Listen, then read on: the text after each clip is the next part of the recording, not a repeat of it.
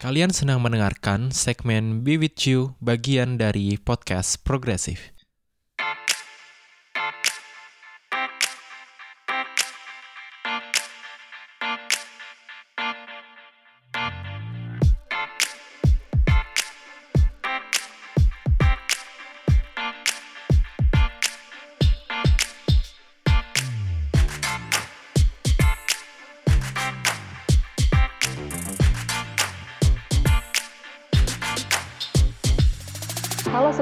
Progresif, kembali lagi di segmennya Be With You, kesetaraan gender di bawah progresif aja.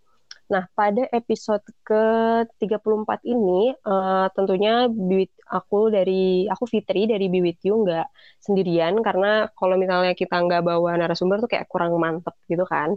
Nah, pada hari ini, uh, kita uh, kedatangan dua uh, teman atau uh, dua perempuan dari UMN ya dari teman-teman ini yang kita bakal bahas tentang uh, beauty privilege atau uh, privilege yang ditang yang didapat oleh orang-orang yang uh, fisiknya tuh cakep gitu. Nah sebelumnya uh, mungkin teman-teman uh, aku sebutnya kelompok adiwarna uh, boleh memperkenalkan mungkin dari uh, dari Eli Oke, halo semuanya teman-teman Biwityo. Perkenalkan, nama aku Eliana Indra, mahasiswa angkatan 2018, jurusan Strategic Communication di Universitas Multimedia Nusantara. Oke, halo Eli. Halo. Ya, mungkin next ke Natasha. Oke, jadi nama aku Natasha Devina, sama kayak Eli, mahasiswi di Universitas Multimedia Nusantara, angkatan 2018 dan juga anggota dari Adi Warna gitu. Salam kenal teman-teman. Oke, salam kenal juga Natasha. Nah, jadi uh, sedikit mundur ke belakang nih, jadi uh, Be With You bisa kenal sama kelompok Adi Warna karena kita pernah ngadain FGD bareng ya. Benar, ya, Kak. Benar banget. Nah, kita pernah ngadain FGD. Uh, isunya tuh sama tentang beauty privilege juga. Dan uh, kelompok Adi Warna itu bikin survei ya uh, setelah yang FGD kemarin. Mungkin bisa iya, dijelasin uh, sedikit nih uh, survei kemarin tuh tujuannya apa? apa?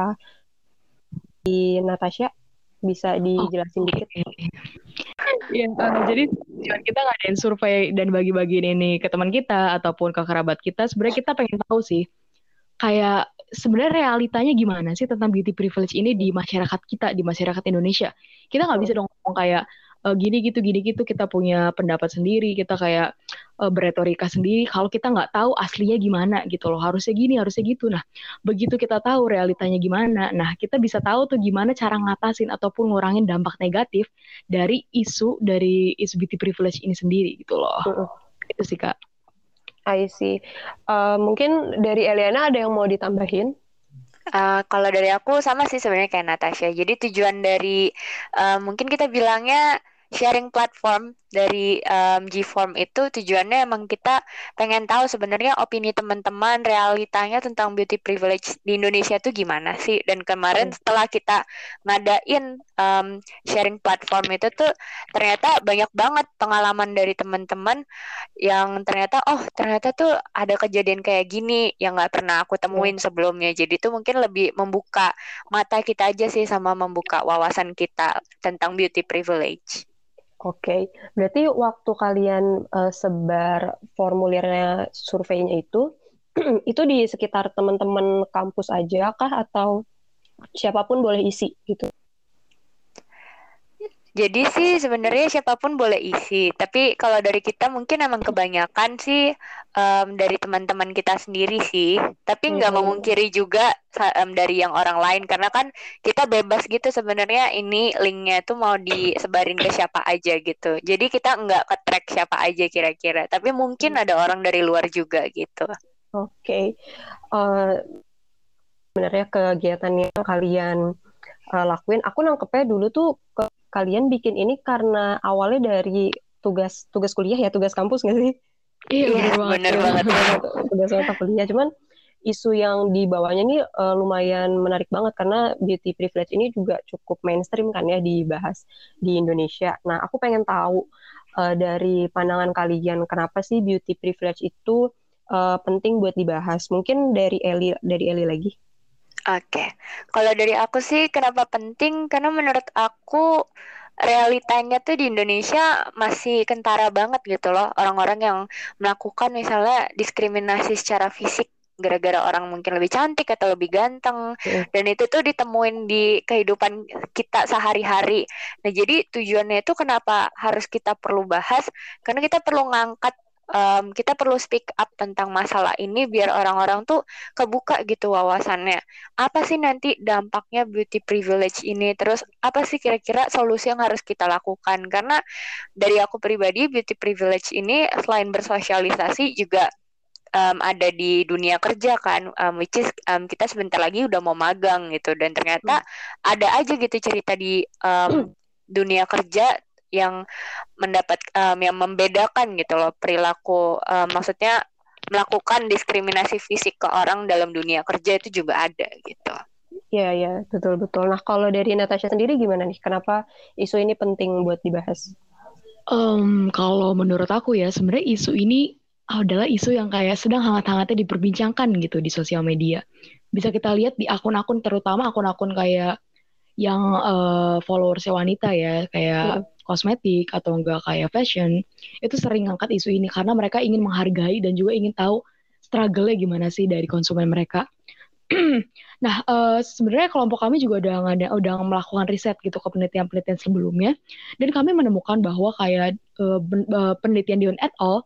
yang dilakukan pada tahun 1972, nah mereka ini sebenarnya pelopor dalam penelitian di bidang beauty privilege gitu. Hmm. Nah, dalam bukunya bir- berjudul What is Beautiful is Good, mereka ini eh, menemukan fakta bahwa orang dengan daya tarik fisik itu eh, diasumsikan memiliki hidup yang lebih baik, juga lebih kompeten, lebih sukses deh pokoknya dalam karir dibandingin orang-orang yang fisiknya gitu fisiknya itu kayak kurang gitu loh. Terusnya juga kami menemukan bahwa ada penelitian dari University of Texas pada tahun 2011 eh, yang mengatakan bahwa orang dengan penampilan menarik itu mendapat bayaran sekitar 3 sampai 4% lebih tinggi dibandingin orang-orang yang nggak memiliki penampilan menarik gitu. Nah, maka dari itu sih sebenarnya kami tertarik banget nih untuk mengangkat isu ini dan juga kayak setidaknya bisa membantu berkontribusi meskipun kecil banget ya skalanya eh, dalam mengurangi dampak positif yang disebabkan oleh perlakuan istimewa yaitu beauty privilege ini gitu Kak. Eh, bener, bener banget sih kayak yang disampaikan sama eh, Eli tadi kalau emang eh, beauty privilege ini udah eh, lumayan normal ya kita temui di kehidupan sehari-hari bahkan eh, dari tempat kerja, eh, sekolah atau eh, di lingkungan masyarakat biasa gitu. Misalnya di sekitar rumah kita itu udah eh, karena itu ya, jadinya orang-orang tuh kayak ya udah menormalisasi aja. Apalagi orang-orang eh, yang cakep ini yang mereka di benefiting dari uh, looknya mereka gitu yang uh, semua orang tuh kayak setuju kalau dia tuh cakep gitu. Dari situ. Dan bahkan uh, kayak tadi di yang udah dibuktiin sama Natasha sendiri bahkan udah ada risetnya kalau misalnya beauty privilege ini kejadiannya tuh nggak baru-baru ini gitu kan nggak uh, kayak mereka tuh ngetren akhir-akhir ini tuh kesan gitu ya. Bahkan beauty privilege ini isunya udah uh, ada uh, sejak lama udah dari lama banget gitu. Nah, aku pengen tahu lagi nih, kalau misalnya dari kalian sendiri eh, pernah eh, atau pernah dapat nggak sih eh, beauty privilege ini? Mungkin dari Natasha? Oke, kalau aku, aku ini salah satu orang yang pernah ada di kedua belah pihak gitu loh. Aku pernah ada Oke. di posisi yang nggak punya beauty privilege sama yang punya. Nah mungkin eh, secara singkatnya aja ya, kayak aku tuh dulu pas lagi kecil kayak nggak punya beauty privilege karena aku nggak sesuai sama standar kecantikan di Indonesia. Mungkin karena aku kulitnya gelap, terusnya juga gara-gara eh, badannya besar gitu kan. Jadi kayak Hmm. dikucilkan gitu. Aku tuh dianggap kayak kalau bisa lagi ngobrol di suatu grup gitu kayak outsider ya gitu kayak lu siapa sih ngapain lu di Ah, sini iya. gitu. Nah, Terusnya juga diperparah sama jadi aku tuh punya temen yang merangkap eh saudara yang mengangkat tem- meng- merangkap temen jadi saudara tapi satu kelas gitu loh satu angkatan. Oke. nah dia itu cakep gitu loh dia tuh cakep kayak putih ya pokoknya fit in in Indonesia beauty standard lah. Nah terusnya eh, aku kan sering jalan sama dia gitu kan ya. Eh, orang tuh pasti pada ngeliatnya wih she's so beautiful gitu loh. Begitu aku di belakang kayak ini siapa sih nih orang? Kayak tahu kan pandangan-pandangan kayak gitu loh kayak merendahkan gitu. Iya, iya. Dan itu kayak ngebuat uh, kepercayaan diri aku tuh turun banget gitu loh kayak kenapa sih kayak gue tuh nggak di appreciate kayak saudara gue ini gitu nah terus uh, sekarang mungkin kayak sekarang di masa-masa SMA dulu ya di masa-masa SMA udah mulai merawat diri nih udah kayak jarang keluar, jarang main di luar, jadi mungkin agak lebih terang kulitnya. Terus ya juga pas SMA mulai diet segala macam gitu-gitu. Nah mulai tuh aku ngerasain kayak wah ternyata gini ya rasanya punya privilege, punya beauty privilege gitu yang sesuai sama standar kecantikan di Indonesia gitu kan. Kayak orang-orang lebih kayak appreciate aku gitu kayak oh pas lu gini-gini ya kayak ditanya lah mulai di-include dalam percakapan gitu padahal dulu kan jarang gitu. Yeah. Nah, masuk kuliah ini hmm. aku tuh uh, ya namanya juga anak kuliah lah pertama kali kayak happy happy segala macam jadi menggendut lagi. Tapi ternyata masih kesisa gitu loh privilege-nya. Meskipun aku nggak sesuai dengan standar kecantikan yang kurus tapi aku ya istilahnya kayak putih cantik gitu jadi masih dapat privilege tapi nggak penuh gitu. Nah sekarang hmm. sekarang aku udah mulai diet lagi udah mulai turun around uh, 20 kiloan kali ya sekitar segituan. Dan ya aku dapat lagi gitu dapat secara penuh gitu beauty privilege kayak kalau misalnya di mana gitu kayak diliatin. Bukannya GR tapi emang beneran gitu kayak diliatin kayak tau lah kayak sama cowok-cowok gitu. Tapi aku ngerasa uh, dengan ada beauty privilege ini nggak menguntung sepenuhnya ke aku gitu loh. Kadang risih gak sih kayak diliatin orang oh, kayak iya bener-bener liatin gue ada yang salah apa yang salah gitu. Terusnya juga kayak kalau misalnya aku jalan sama temen aku aku jadi nggak enak gitu. Ngerti kayak uh, aku kalau bisa sama uh, pelayan gitu sama pelayan sama kasir gitu kayak aku dibaik-baikin atau teman aku ini kayak dijudesin gitu kan nggak enak gitu ya kesannya kayak gimana gitu ya. Ya gitu sih sebenarnya beauty privilege yang pernah aku apa pengalaman beauty privilege yang pernah aku alamin. Ya menarik menarik. Jadi sebenarnya uh, Natasha ini udah uh, ngalamin dua posisi yang berbeda atau dua situasi yang berbeda dari beauty privilege ini itu sendiri. Dan terbukti ternyata uh, walaupun namanya privilege atau uh, istilahnya kayak hak istimewa gitu ya uh, itu tuh nggak selamanya menguntungkan si pihak itu sendiri ya karena ada juga nih uh, dampak negatif kalau misalnya dari uh, orang sekitar nih uh, aku nanya ke Natasha lagi ya okay. uh, itu uh, orang-orang tuh jadi ada kayak pressure tersendiri gitu nggak sih atau orang-orang tuh malah jadi mandang ah uh, kalau misalnya orang oh uh, ini mah pasti dia modal cantik bisa nyampe di posisi itu atau misalnya uh, kamu tuh jadi harus terus-terusan untuk uh, apa ya untuk ngebuktiin kalau kalau oh gue tuh bisa gitu loh gue nggak cuma ngandelin uh, fisik gue doang gitu atau gimana? Uh, kalau berdasarkan pengalaman aku ya, ini baru-baru ini sih, cuman kayak aku pernah ngobrol sama teman lagi bercanda aja gitu kayak gila gue IP-nya semester ini 3,8 kan gitu gue sombong, eh aku yeah. sombong kan kayak gimana gitulah bercanda sama teman. Nah dia bilang kayak secara bercanda juga kayak itu mah mungkin gara-gara dosennya demen kali sama lu makanya dapet uh, IP-nya 3,8 dan oh. itu bikin aku kayak ya ampun ini kayak gue remehin gitu ngerti gak sih? Iya. Iya kan, gitu sih jadi kayak ada pressure ada tekanan ada kayak uh, pressure untuk uh, ngebuat gue harus ngebuktiin ke diri gue hmm. sendiri dan orang lain kayak gue tuh nggak modal cantik doang gitu sih Oke, okay, I see. Nah, kalau dari Eliana sendiri gimana nih? Pernah ngalamin yang sama juga mungkin dengan Natasha atau beda? Oke okay deh. Kalau dari aku mungkin um, cerita aku tuh sedikit mirip dengan tahu ini gak sih um, drama Korea True Beauty? Iya. Nah, uh, nah jadi dari cerita itu tuh drakor jujur.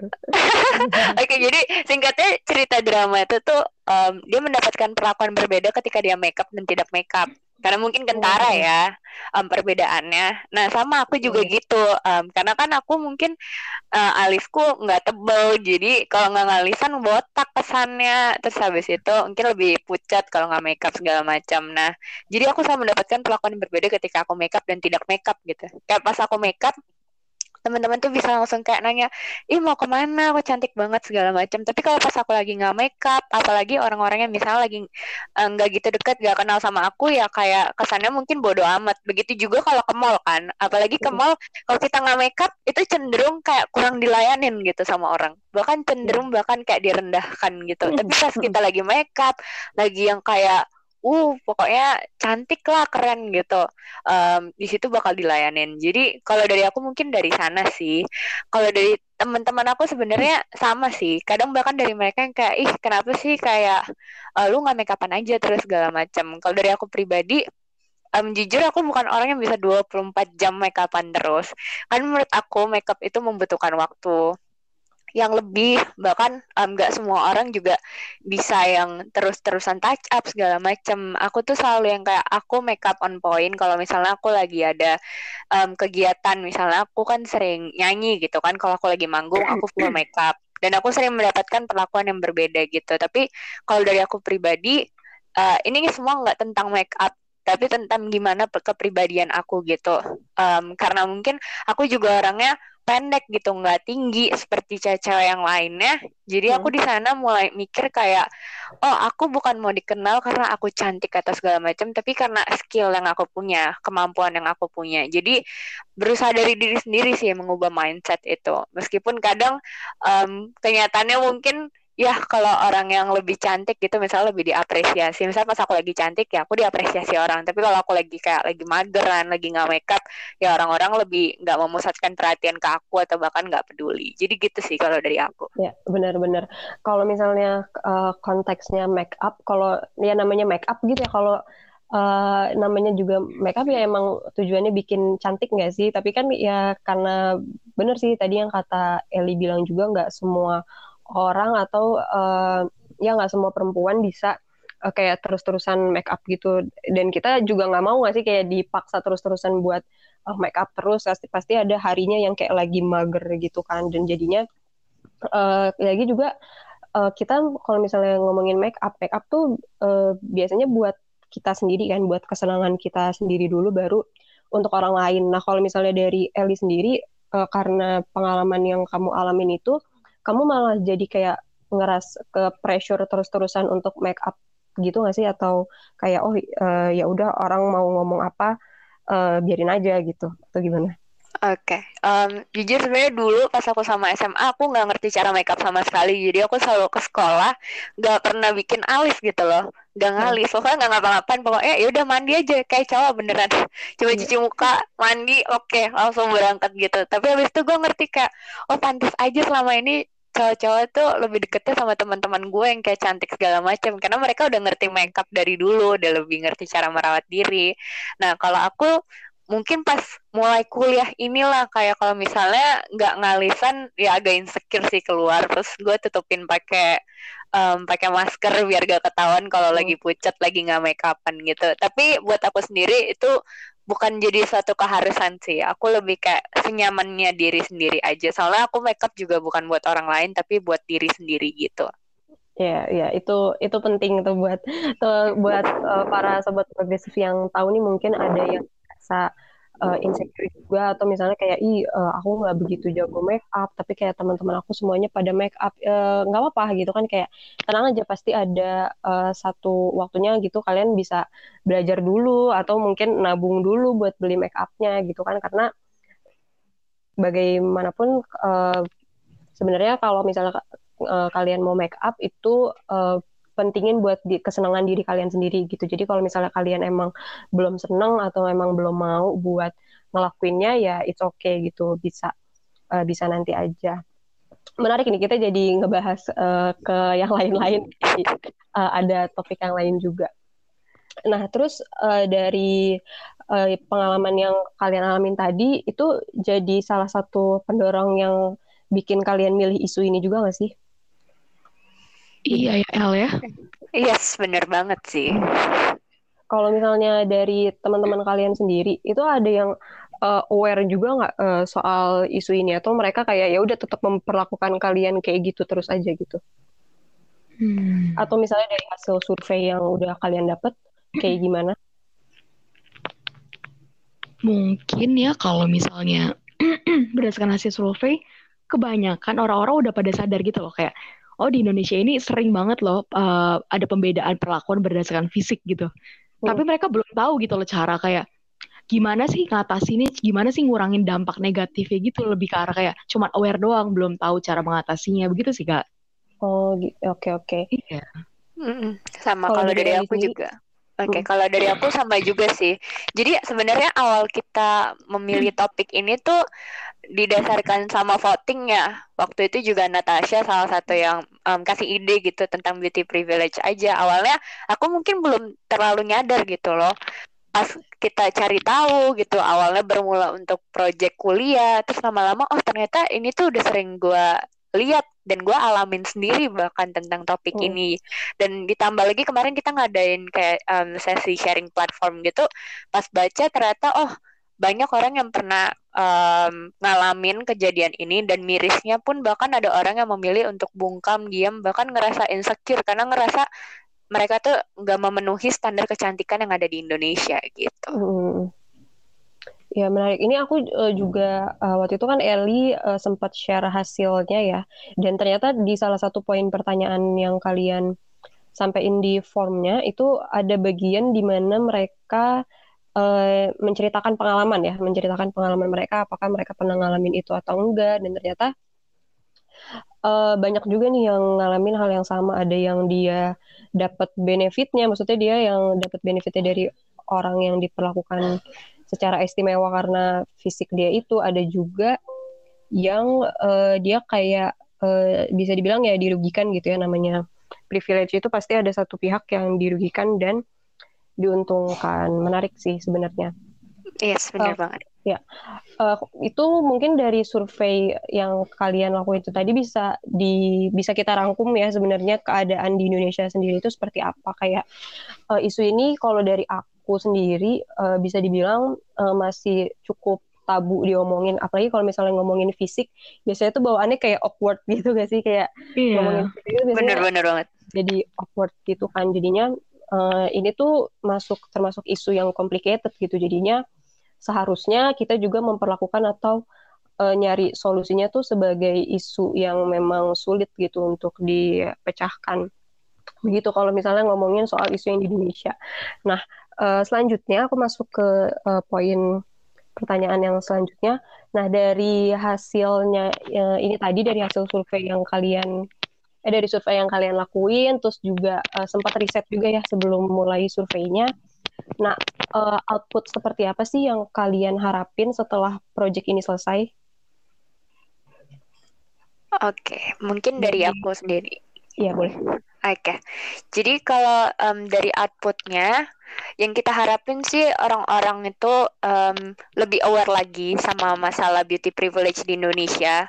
Apalagi jangan kita menilai orang tuh dari covernya, um, karena juga enggak semua orang yang cantik itu pinter dan enggak semua orang yang jelek itu kesannya enggak pinter gitu.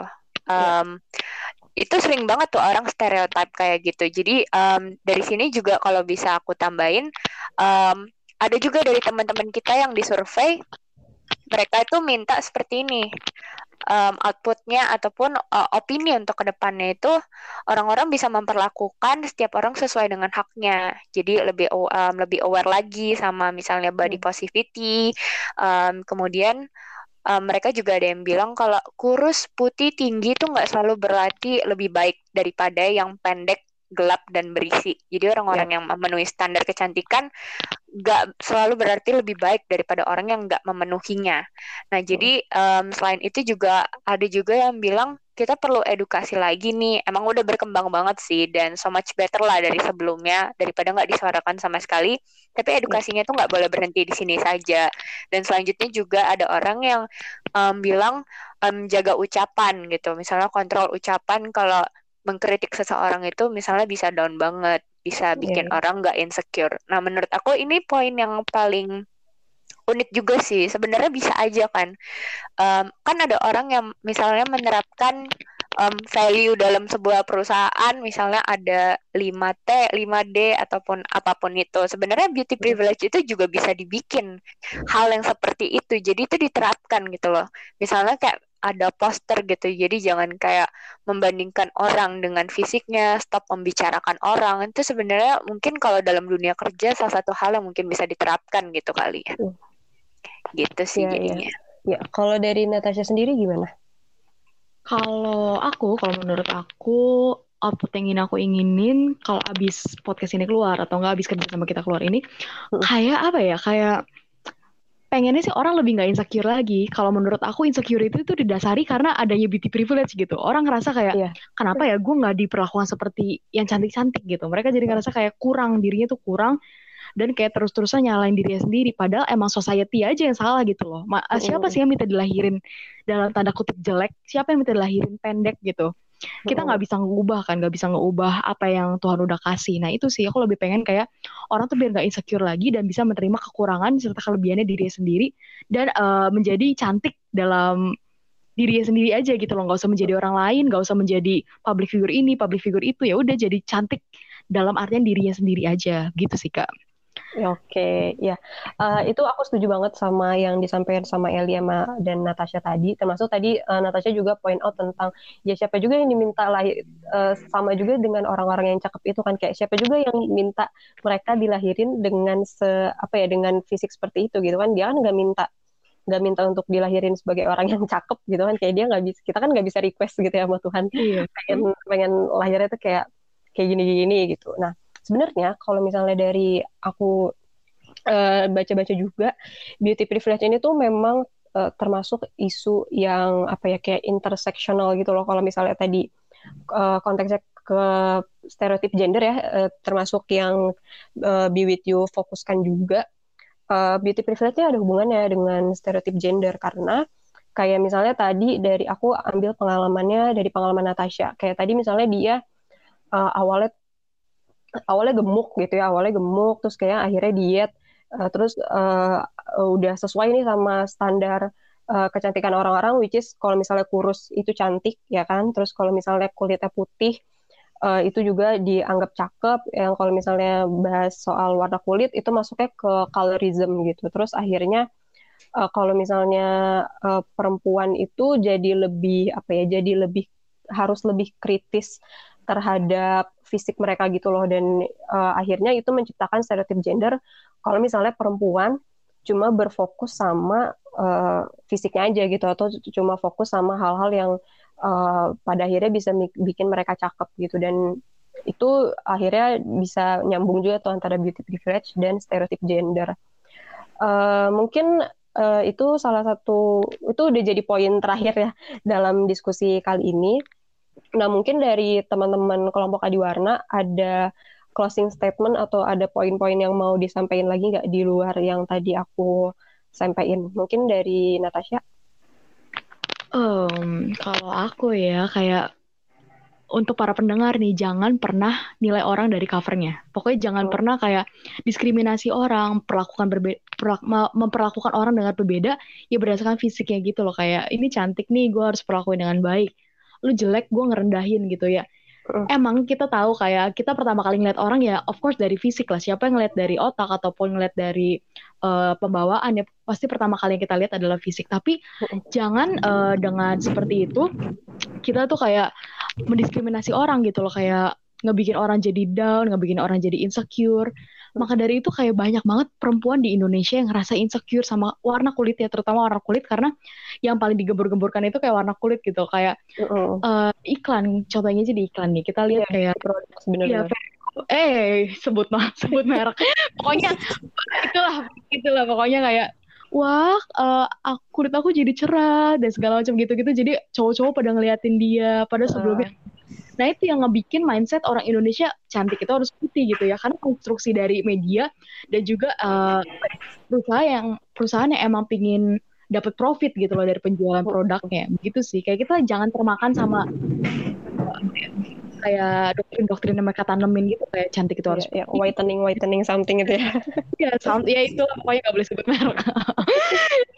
ya makanya kayak miris aja sih uh, di masyarakat yang udah maju seperti sekarang ini aja masih banyak gitu loh orang-orang uh, sebenarnya media sih media yang nampilin model itu harus putih. Coba kita lihat di TV aja deh. Coba kita lihat di TV. Malah jarang banget kan orang-orang yang uh, apa ya representasi kulit hitam gitu loh. Kulit yang bener-bener bener hitam. Paling yang kayak coklat, kuning gitu.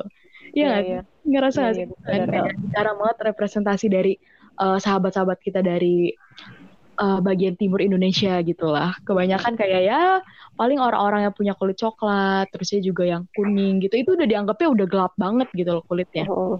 Maka dari itu sebenarnya kita butuh, kita butuh banget representasi uh, dari berbagai macam suku. Udah gitu Indonesia kan banyak banget suku, banyak banget bahasa. Dan itu kayak kita harus merepresentasikannya di TV, di media yang di apa ya, yang ditonton oleh semua orang gitu loh. Kebanyakan orang Indonesia kan masih menonton televisi kan. Nah harusnya mulai iya. dari situ. Uh, biar uh, terdapat progres-progres yang bermanfaat gitu dalam masyarakat. Jadi beauty privilege ini dapat ditinggalkan di belakang gitu loh. Kita menjadi masyarakat yang lebih maju, lebih berpikir secara terbuka dan segala macam gitunya. Begitu sih kak. Oke, keren keren. Nah, kalau kita lihat dari Liana sendiri, gimana? Oke, okay. kalau dari aku mungkin aku sekalian sharing dua cerita ya. Ini boleh, cerita boleh. dari survei kemarin yang menurut aku paling menarik nih dan juga menurut aku nanti ada maknanya gitu yang bisa kita ambil. Oke, okay, jadi yang pertama, aku bakal bacain. Pernah waktu SMP aku punya teman yang tanda kutip cakep dia punya geng lainnya isinya tuh cewek-cewek cakep semua dari beberapa sekolah yang berbeda dan cukup terkenal nih gara-gara gengnya tuh isinya cewek-cewek cakep. Nah di situ tuh banyak cewek-cewek yang ngedeketin, ngajak jalan dan juga lainnya. Sedangkan gue aja nggak pernah dapat perlakuan kayak gitu dari cowok-cowok di sekitar gue. Nah menarik kayak kayaknya cerita ini. Wow, kayaknya dulu gue juga pernah gitu. Maksudnya ada di posisi itu pas SMA yang belum ngerti make up, um, masih ke mana-mana jalan ya udah nggak pakai sunscreen nggak bikin alis pokoknya nggak ngerti segala macem. Dan ya pastinya dapat perlakuan berbeda dong dari cowok-cowok gitu mungkin ya. Kayak teman-teman gue yang lain misalnya um, yang cakep-cakep gitu banyak yang deketin bahkan yang ada udah pacaran gitu. Sedangkan gue misalnya nggak mendapatkan kayak gitu. Tapi menurut gue untungnya gue nggak di posisi yang gue jadi ngerasa insecure apakah gue ngerasa kurang cantik ataupun segala macam kenyataannya gue masih punya teman-teman yang baik sama gue yang mau berteman dengan gue apa adanya dari alis gue masih botak sampai sekarang gue udah bisa bikin alis. Jadi teman gue ternyata ada di dalam sejarah hidup gue gitu. Yeah, dan yeah. mereka masih bertahan gitu. Berarti mereka bukan berteman sama gue karena gue cantik bahkan sebelum sebelum gue jadi cantik bukan sekarang ini. ya, bukan karena iya iya gitu. Jadi masih ada gitu. Jadi menurut gue nggak perlu insecure masalah dideketin cowok dapat perlakuan uh, misalnya khusus dari cowok. Kan menurut gue tuh pasti nanti bakal ada waktunya. Yang penting kita nyaman aja sama diri sendiri setiap orang itu indah dan setiap orang tuh punya keunikan masing-masing mungkin kita benefitnya bukan di kecantikan kita bukan di uh, misalnya fisik lah fisik emang bisa dipoles tapi kan juga ada fisik yang misalnya kayak tinggi badan gitu kan nggak bisa dipaksain juga kan jadi hmm. menurut gue cari hal-hal lain yang bisa jadi sesuatu yang positif dalam diri kita. Misalnya skill kamu atau misalnya kita orangnya jago berteman, humoris. Menurut aku itu jadi um, bagian dari hak istimewa kita. Itulah keindahan dari kita gitu. Jadi menurut aku itu. Um, jadi teman-teman nggak perlu insecure gitu loh. Kalau misalnya kok gue nggak dapet perlakuan kayak gitu sama SMA tenang pasti ada waktunya guys. Iya. Dan juga satu lagi di sini ada satu pengalaman lagi. Pernah saat audisi paduan suara, saya bagian dari audisi musikalitas menilai secara objektif. Kalau hmm. memang tidak sesuai, saya tolak. Tapi ada beberapa divisi yang berusaha untuk mempertimbangkan karena cantik atau ganteng. Nah, ini juga menarik banget karena um, gue sendiri juga bergabung dalam beberapa komunitas musik dan pernah ngaudisiin orang. Dan kenyataannya ada kayak gitu dipertahankan karena misalnya eh ini kayak cantik ganteng misalnya bisa jadi sentral dalam komunitas kita tapi ternyata hmm. pas kita udah melewati itu ternyata justru yang cantik atau yang kita anggap ganteng ini nggak bisa uh, memberikan kontribusi lebih loh. Bahkan kadang mereka mungkin karena nganggap remeh komunitasnya masih kecil jadi tiba-tiba sewaktu-waktu tuh bisa ditinggalkan. Jadi nggak memberi nggak all out gitu dalam komunitas. Nah tapi untungnya um, sekarang um, komunitas itu udah jauh lebih maksudnya terbuka pikiran karena udah punya pengalaman sebelumnya jadi nggak berdasarkan fisik gitu segala macam. Hmm. nah menurut aku ini jadi hal yang um, unik poin yang unik yang bisa dibahas karena kalau misalnya kita cuma menilai dari fisiknya seseorang kita mengurangi um, opportunity yang bisa kita berikan kepada mereka iya, kesempatan. ya jadi kesempatan ke orang-orang yang misalnya fisiknya kurang padahal bisa aja ternyata mereka yang lebih hebat daripada orang yang punya misalnya fisiknya lebih bagus jadi kita um, dengan kita melakukan diskriminasi karena adanya isu beauty privilege ini juga kita jadi mengambil kesempatan orang gitu untuk berkarya lebih. Dan menurut aku ini sih yang harus kita concern lagi. Jujur kadang mungkin aku ngenilai wah gila nih cowok ganteng nih. Pasti pinter. Tapi kenyataannya semua nggak kayak gitu. Iya iya iya. Kadang kayak pas udah ngomong pas misalnya udah tahu dia orangnya kayak gini cara kerjanya kok jadi gini sih? Padahal kan gue ekspektasinya hasilnya kan kayak di drama-drama gitu mungkin atau di film-film cowok ganteng pinter ya jago entah yeah. apalah. Kenyataannya nggak kayak gini. Kita tuh udah terlalu um, masuk ke dalam apa yang jadi standarnya masyarakat gitu. Dan iya, mungkin yeah, karena adanya banyak ya dari film-film iklan-iklan semuanya menggambarkan sosok yang seperti itu padahal realitanya enggak. Jadi menurut aku kita lebih kayak harus nggak boleh judge orang dari covernya. Kita harus lebih ngelihat dari sudut pandang yang berbeda dan ngasih semua orang tuh kesempatan yang sama um, hmm. tanpa kita memerhatikan fisik mereka. Jadi itu sih kalau dari gua Oke, uh, berarti uh, itu tadi uh, terbukti juga ya kalau misalnya kita nggak perlu atau nggak bisa pasang ekspektasi yang terlalu tinggi atau ya sebenarnya standar beauty standar terus kayak apa pun standar standar itu emang nggak perlu ada kan sebenarnya karena uh, apa ya kalau misalnya cakep itu kan uh, kita setujunya kalau cakep itu relatif ya tapi pada kenyataannya tuh ternyata ada uh, atau misalnya ada ciri-ciri tertentu yang sebenarnya masyarakat tuh setuju kalau oh orang ini tuh cakep gitu. Dan uh, balik lagi tadi kayak yang aku bilang kalau misalnya uh, benefit yang yang mereka dapat atau dampak yang mereka dapat itu nggak cuma positif aja atau misalnya udah jadi kayak tadi yang cerita teman SMP uh, lebih gampang dapet pacar atau misalnya bisa lebih gampang buat uh, karirnya juga tapi ternyata enggak gitu kan. Mungkin aja ada pressure atau tekanan yang buat mereka tuh kayak tadi uh, Natasha sendiri malah jadi enggak kan? Gitu. Uh, ini nggak berasa udah sampai udah 30 menit udah 40 40 menit lebih lama juga ya kita bicaranya. Iya.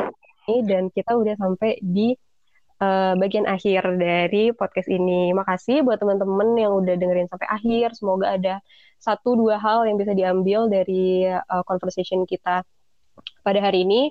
Dan makasih juga buat Natasha sama Eli yang udah meluangkan waktunya uh, untuk rekaman pada hari ini. Dan kalau ini collab terakhir enggak sih? Atau enggak, jangan terakhir ya. Semoga ada.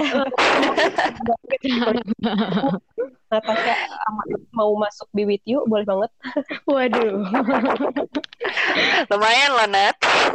Iya, ini lumayan ya. nah, kalau misalnya kalian dari pendengar ada yang mau gabung Be With You juga, uh, bisa follow Instagram Be With You di bewithyou.idn dan jangan lupa follow Instagramnya podcast progresif di podcast underscore progresif. Dan ya terima kasih semuanya. Dadah. Terima kasih. Terima kasih. Thank you be with you